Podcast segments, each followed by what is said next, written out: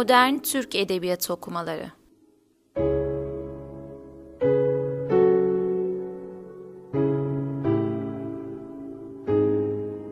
Tarih, Kuram, Metin ve Antoloji.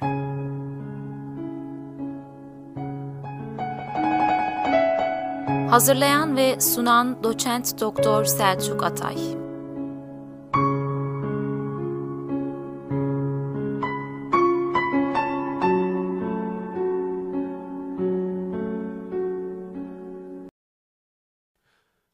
Türk Edebiyat okumalarına hoş geldiniz.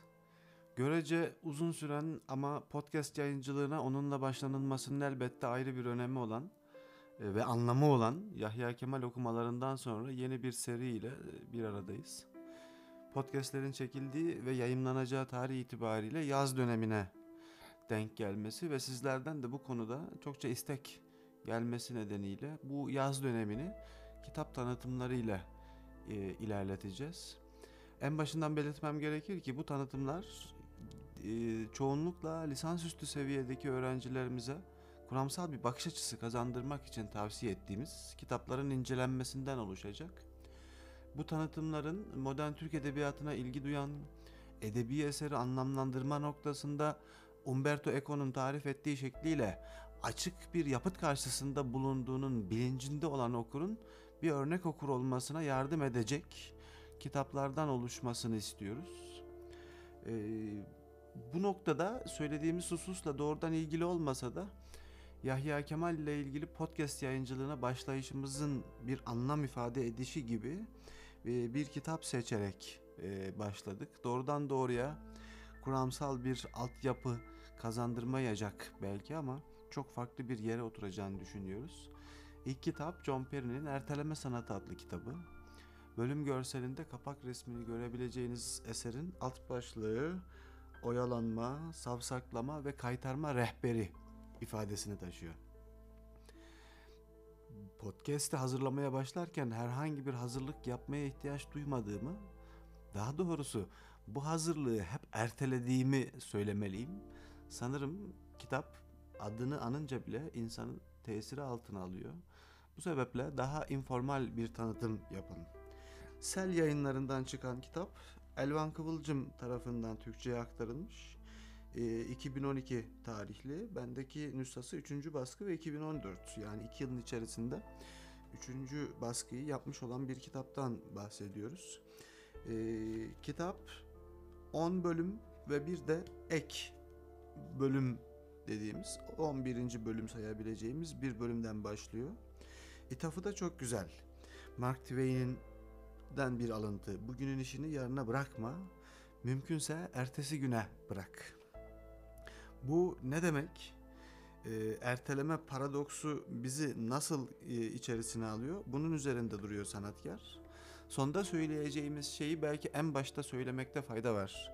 Bir, bir takım ipuçları verse de aslında ertelemenin o kadar kötü bir şey olmadığını, erteledikçe ve bir şeyler belki yanlış gittikçe zihnimizde oluşacak olumsuz durumların aslında olmaması gerektiğine dair e, bir kitap olduğunu söylememiz lazım. Kitap evvela birinci bölümünde sistematik erteleme başlığını taşıdığı bölümde bu sistematik erteleme nedir? Bundan bahsediyor. Kişinin yapması gereken e, işleri bu olgudan faydalanacak şekilde yapılandırmasıdır diyor. Yani sistematik erteleme ile önceliği ve önemi olan işleri erteliyoruz aslında biz. Fakat iş listemizde alt sıralarda kimi zaman önemli işler de bulunuyor. Biz en tepeye yazdığımız önemi olan, önceliği olan işleri ertelerken, kimi zaman bu alt sıralarda kalan ama önemli işleri de yapma fırsatı buluyoruz. Ee, bu erteleme sistematik erteleyicilerin çok iş bitirdiği anlamına gel, e, geliyor görüntü olarak ama onların iyi bir erteleyici olduğunu da gösteriyor. E, alt sıralardaki pek çok iş, pek çok madde, pek çok kalem e, bizim sistematik bir şekilde üst sıralarda önceliği ve önemi olan işlerimizi ertelememize sebep oluyor. Bunun John Perry'e göre en önemli sebebi mükemmelliyetçilik. Erteleme ile mükemmelliyetçilik arasında doğrudan doğruya bir bölüm e, e, korelasyon olduğunu, pozitif korelasyon olduğunu söylüyor. Mükemmelliyetçiliğin ertelemeye yol açtığını söylüyor. E, burada pek çok erteleyicinin mükemmelliyetçi olduğunu fark etmemesi önemli bir kriter. Nedeni de çok basit. Çünkü şimdiye kadar hiçbir işi mükemmel bir şekilde yapmamışız. Veyahut da mükemmele yakın yapmamışız. Veyahut da yapsak bile bu işi mükemmel olduğuna dair kimse bize bir geri dönütte bulunmamış. Hiç kimse bizi tebrik etmemiş veya onun öyle olduğunu hissetmemişiz. Buradaki mükemmelliyetçilik elbette zihindeki bir mükemmelliyetçilik. En listenin yapılacaklar listesinin en tepesine veya üst sıralara koyduğumuz işlerle ilgili zihnimizde bir mükemmelliyetçilik var. Bizden bir iş istendi ve biz bu işin en mükemmel şekilde yapılacağına dair zihnimizde bir fantazi besliyoruz. Çok iyi yapacağına dair zihnimizde bir fantazi besliyoruz. Mükemmelliyetçilik ya da en azından bunun zihindeki e, fantezisi yapılması çok da mükemmellik gerektirmeyen işlerin ön plana çıkmasına yol açıyor. E, dolayısıyla en önemli işleri daima ertelemeye başlıyoruz. E, bir. İkincisi bunun farklı bir e, avantajı da söz konusu oluyor. O da şu. E, siz mükemmelliyetçi fantezilerinizi bir türlü denetim altına alamadığınız için e, hastanelerde çok kullanılan triyajı bir türlü yerine getiremediğiniz için yani işleri aciliyete göre sınıflandırmada hep akta, e, atlattığınız için yapacağınız işin süresi oldukça kısalıyor. Ve mükemmel olmasa da idare edecek, daha doğrusu olması gerektiği kadarını yapıp işi sahibine gönderiyorsunuz. Ee, elbette hemen başlamak e, ve bunu bir görev olarak düşünüp e, hızlı bir şekilde başlamak en iyisi fakat mükemmel olmayan bir iş çıkaracağımızı kendimize söylersek ertelemekten vazgeçip çalışmaya başlayabiliriz. Zaten sonuç da böyle olacak. Yani mükemmelliyetçiliğinin o mükemmelliyetçi fanteziniz ertelemenize sonra da vakit kalmadığı için mükemmel olmayan bir çalışmaya neden olacak. Bunu unutmamak ve bunu kabul etmek lazım. Ya bu şekilde bir iş çıkartıyoruz ya da bunun en en başından o mükemmelliyetçi fantaziye kapılmadan yapmak lazım ertelememek için. Sistemi bu şekilde ortaya koyduktan sonra John Perry bir takım ipuçları veriyor. Bu erteleyicilikten nasıl kurtulabiliriz veya bunun önüne nasıl geçebiliriz? Kendi düşünceleri veya da hayat tecrübesinden hareketle. Bunun tabi en başında bir yapılacaklar listesi var. Ee, eğer sistematik bir erteleyiciyseniz önünüzdeki günlerde, haftalarda, aylarda hatta yıllarda belki ömrünüzün sonuna kadar yapılması gereken işler hep aklınızın bir tarafında. Zihninizi sürekli meşgul eden bir yer. Burada Peri'nin kastettiği ise doğrudan doğruya günübirlik listeler. Ee, en başından e, asıl işlevleri erteleyiciye bitirdiği işlerin yanına işaret koymaya imkan verecek bir liste yapmak. Çince öğren gibi belki hayatınızın sonuna kadar listenin altında üstünde bir yerinde yazılmaya devam edecek listeler olabilir. Ama günlük listeler yaparsanız siz yanına bitirdiğiniz maddenin yanında bir çarpı, bir tik ve hatta maddenin üzerine böyle gösterişli biçimde çizecek ve insanı psikolojik olarak rahatlatacak bir liste yaparsanız bu erteleme listesinden, erteleme hastalığından belki biraz uzaklaşabilirsiniz. Perry'nin listesi, John Perry'nin listesi çok enteresan. Mesela ilk 6 maddesi şöyle. Çalar saati kapat, erteleme düğmesine basma, yataktan kalk, banyoya git, tekrar yatağa girme, aşağı in, kahve yap. Burada listenizde e, bir ipucu daha var dikkat ederseniz. Yapılacaklar kadar yapılmayacakların da e, bu listenin içerisinde olması. Bu burada Google'a dair bir ipucu da var mesela. E, listesine Google'ın zaman kaybını Google'a bakma diye çözerek en iyisini yapıyor. Yani bu nasihate uyarsanız erteleme dediğimiz şey iyi tedavi etmeyecek ama erteleyiciyi daha üretken bir insana dönüştürecek. Yani bir otomanipülasyon yapıyorsunuz kendinize bu listeyle birlikte. Dördüncü bölümde ritmi yakala diyor John Perry. Çünkü ertelemek ve sistematik bir erteleyici olmak depresyona neden olur. Depresyon da ertelemeyi tetikler. Yani birbirlerini karşılıklı olarak etkileyen iki husus. Bunun için psikoloğa gitmek mümkün elbette.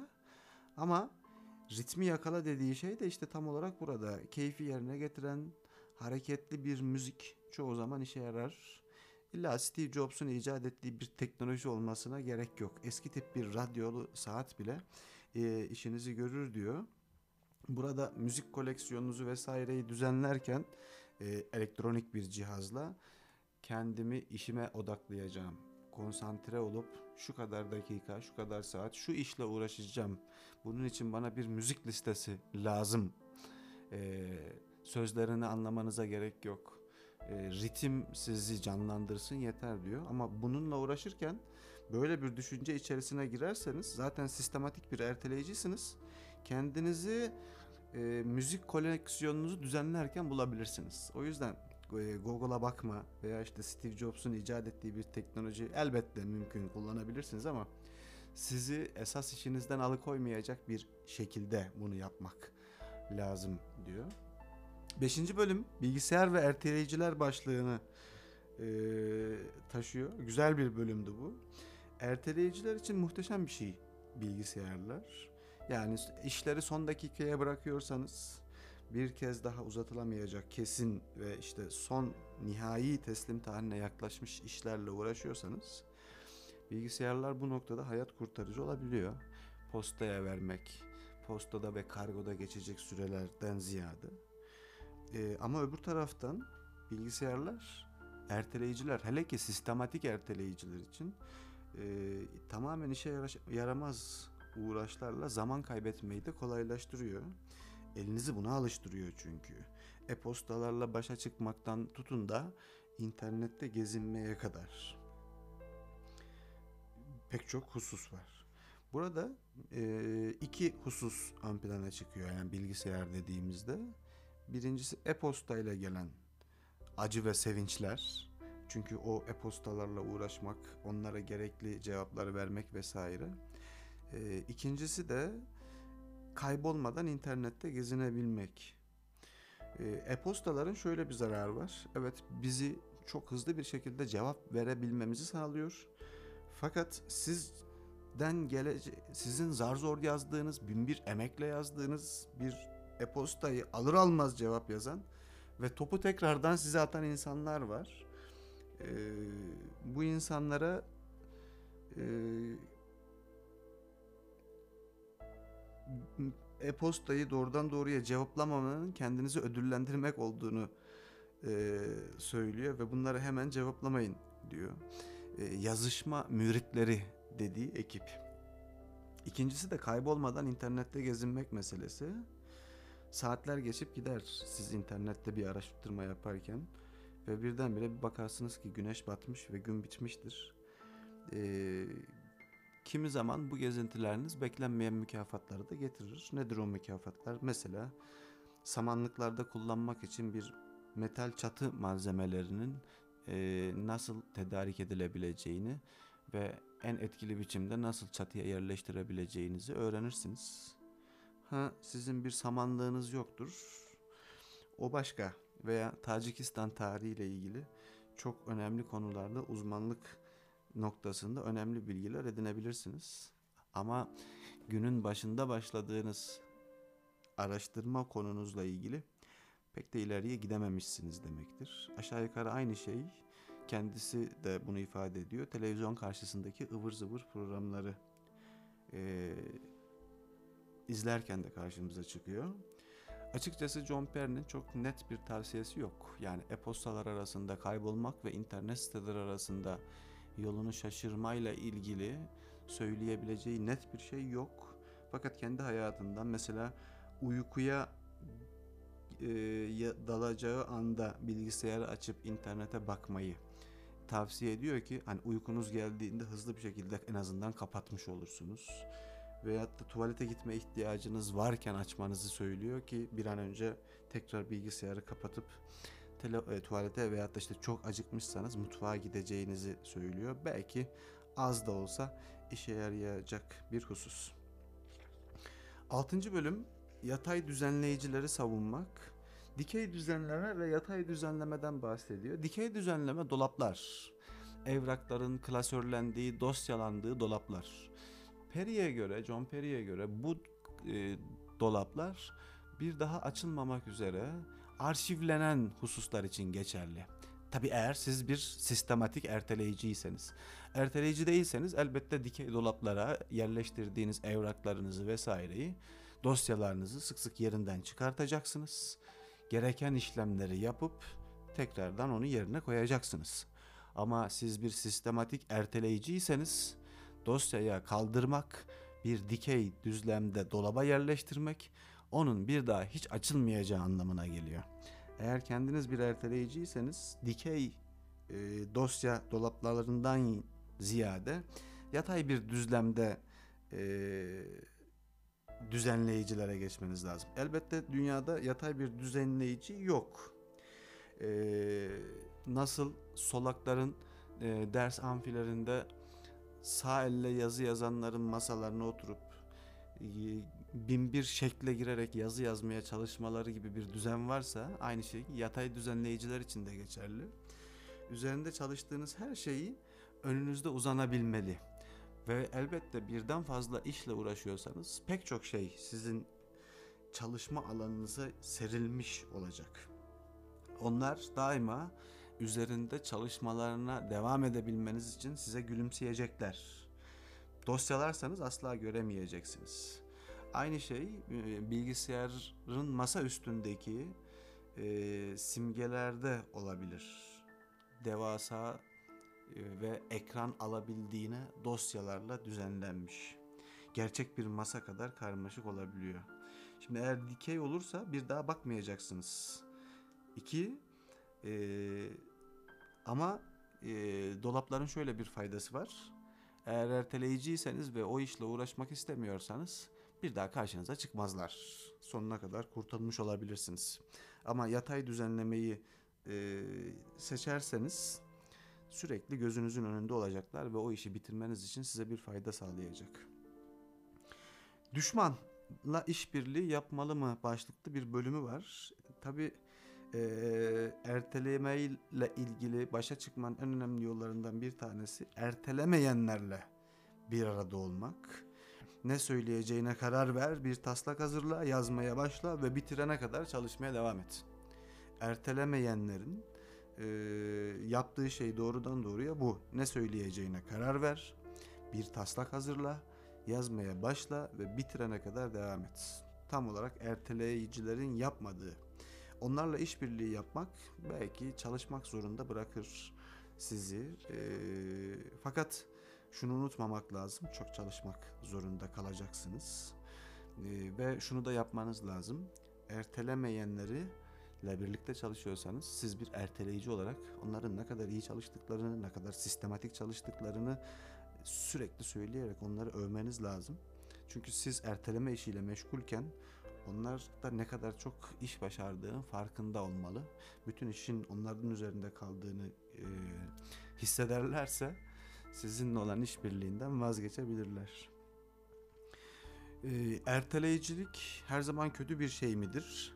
E, kitaba başlarken e, benim şu anda e, ödevleri okumam, onları puanlandırmam, gelecek sene okutacağım ders kitaplarını seçmem ve bunları kitapçıya sipariş vermem çocuklar adına da e, bir tavsiye mektubu, referans mektubu hazırlamam gerekiyor ve ben bütün bunları yapmamak için şu anda şunu yapıyorum diye başlar. Erteleyicilerin en önemli özelliği de zaten buydu. Maddenin üst tarafındakileri yapmamak, alt taraftaki küçük maddelerle oyalanmak. E, hiç iş yapmadıkları anlamına gelmiyor erteleyicilerin ama bunun ek faydaları da var. E, nedir o ek fayda? En önemlisi işin kendiliğinden yok olması. E, bugünün işini yarını bırakma atasözünü çok e, saçma bir atasözü olarak bulup kendisi yeni bir atasözü öneriyor e, bir erteleyici olarak. Yarın ortadan kaybolacak bir işi asla bugün yapma. Örneği şu, e, yeni bir işe girecek olan eski bir tanıdığının bir profesörden kendisinden bir referans mektubu istemesi. Tabi bu referans mektubu hakikaten onlarda çok önemli ve ustaca kaleme alınmış olması lazım e, ve listesinin en başında zihnini meşgul eden bir husus. Gazete okuyarak, bilgisayarındaki klasörleri düzenleyerek vesaire e, bu işi erteliyor. Bir taraftan gündemi takip ediyor. Bir taraftan uzun zamandır eline atmadığı masa üstündeki bilgisayarındaki klasörleri düzenlemiş oluyor. Ama daha sonra kendisine gelen bir telefonla yeni işe kabul edildiğini, artık referans mektubuna ihtiyacı kalmadığını söylüyor. Bazen bazı işler ortadan kaybolabilirler. İhtiyaç e, ihtiyaç olmaktan çıkabilirler. O yüzden emeği oraya boşa harcamamak için biraz ertelemekte e, fayda olduğunu söylüyor.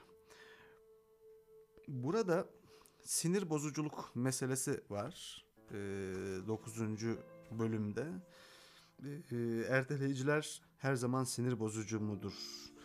Hakikaten küstah olan akademisyenler ertelemelerini erteleme olarak değil de öncekilerin doğru sıralanması olarak görülür, görürler. Yani bir akademisyen e, kendisinin erteleyici olduğunu hatta sistematik bir erteleyici olduğunu hiçbir zaman kabul etmez. Doğru bir sıralama yaptığını düşünür. Aslında burada akademik bir kibir olduğunu söylüyor. E, alçak gönüllü bir tip değil. Sistematik erteleyiciler halbuki kendilerini suçlu hisseden e, alçak gönüllü tiplerdir. Verdiği örnek şu. E, akademisyenlerin bu kibrine karşı. Onlara göre başkalarının anlamadığı şey budur. Bu sabah Kant'ın ahlak metafiziğinin temellendirilmesini tekrar okuyup bu eser üzerine yazılmış yüz binlerce sayfaya bir on sayfa daha eklemek için ilham bulmam mümkünken sınav kağıtlarını okumamı gerçekten bekliyor olabilirler mi? Akademisyenlerin kabul etmediği husus bu. Son bölümde 10. bölümde bir takım derin sonuçlara varıyor. İnsan akıllı bir hayvandır diyor Aristoteles. Kitaba da bu şekilde başlamıştı. Yani biz eğer insanların hayvanlardan ayrıldığı en önemli bölüm e, akıllı olmasıysa bütün işlerimizi akıllı bir şekilde yapmamız gerekirdi. Halbuki biz akıllı bir şekilde davranmıyoruz çoğu zaman. Robert Heinlein Aristo'nun bu sözüne insan akıllı hayvan değildir, akla uyduran hayvandır diye cevap vermiş. Oscar Wilde insan ne zaman akla uygun davranması gerekse kendini kaybeden hayvandır diye eklemiş ve son olarak Bertrand Russell'ın alıntısı insanın akıllı hayvan olduğu iddia edilmiştir. Hayatı boyunca bu iddiayı destekleyecek, destekleyecek kanıtları aradım, durdum diyor. Çünkü Perry'e göre biz akıllı karar verme makinaları değiliz. İnsanın aklının yanında arzu, inanç, güdü gibi hatta geçici heveslerin olduğu, bunların iç içe geçtiği bir yumak var. Akıl elbette bizim için muhteşem bir lütuf olabilir. Birçoğumuz için de farklı arzularımızın üzerindeki bir ciladan ibarettir. Ee, ama şunu unutmamak gerekir. Gün gelir imkansız bir radyo programının hayalini kurarak zamanımızı boşa harcamanın o sırada yazabileceğiniz çeşitli makale, eleştiri ve bilgi nokutundan çok daha değerli bir iş olduğu anlaşılabilir. Sistematik erteleyici dünyanın en etkin insanı olmayabilir. Fakat fikirlerinin ve enerjisinin doğal bir şekilde akıp gitmesine izin vererek daha katı bir sistemi izlese asla fırsat bulamayacağı birçok işi başarabilir. Tavsiyesi de şu. Yaptığınız işler için kendinize aferin deyin. Etrafınızı yapılacaklar listesi, çalar saat ve benzeri bu bir tuzaklarıyla donatmayı unutmayın. Asla bir şeyi başaramamanızı engelleyecek ortaklıklar kurun. Hepsinden öte hayatın tadını çıkarın. Sonda söyleyeceğimizi en başta söylemiştik ama tekrar edelim. Bu kitabı yazmasındaki asıl amaç sistematik erteleyicilerin kendisini daha iyi hissetmesini sağlamak ve onların üretken olabilmelerini, verimli olabilmelerini sağlamak. Ertelemeye son vermenin bir yolu, kolay ve garantili bir yolu olsa elbette paylaşırdım ben sizinle diyor. Burada asıl amaç kendinizi daha iyi hissetmiş ve ertelemelerinize rağmen üretken olmayı başardığınızın farkına varmış olmaktır. Eğer bunu yapabilmişseniz e, bu kitabı şimdiden kapatsanız iyi olur deyip birkaç makale ve birkaç kitap ismiyle e, tamamlıyor. Daha dolaylı bir yaklaşımı benimsemeniz de elbette olası. Ertelemenin sizi mutsuz ettiğini anladığınız için ertelemekten vazgeçmek istiyor olabilirsiniz. Belki de doğrudan doğruya mutlu olma projesine yönelip e, kendi başının çaresine bakması için bir kenara bırakabilirsiniz bu erteleme sorununu. Şimdi mutlu olmak istiyorsanız ne yapmanız lazım? Bu konudaki düşünürlere başvurmanız lazım. Arama motoruna mutluluk yazacaksınız. Çıkan yazıları tarayarak çeşitli düşünürlerin bu kitap bu konuda neler söylediklerini, hangi kitapları yazdıklarını bulacaksınız. Sonra bu düşünürlerin eserlerinin tamamını okuyacaksınız. John Perry bunu bitirip bitir, bitirdiğinizde mutlu olup olmayacağınızı bilmiyorum ama ölmüş olacağınız kesin diyor. Ömrünüz yetmeyecek çünkü. Ee, evet kitap bu şekilde küçük bir kitaptı ama bir şeyleri erteleyen insanların bunun e, sıkıntısındansa onu üretkenliğe nasıl çevireceklerine dair önemli bir kitaptı. Hem kendime hem de bizi dinleyen, beni dinleyen herkese küçük bir tavsiye olması sebep e, düşüncesiyle, umuduyla kitap tavsiyelerimize Erteleme Sanatı adlı kitapla başlamış olduk. Haftaya yeni bir kitap tanıtımıyla buluşmak üzere. Şimdilik hoşçakalın.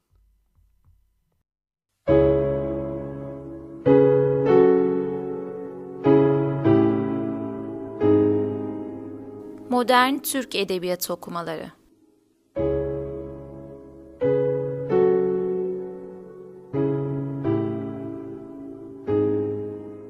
Tarih, Kuram, Metin ve Antoloji.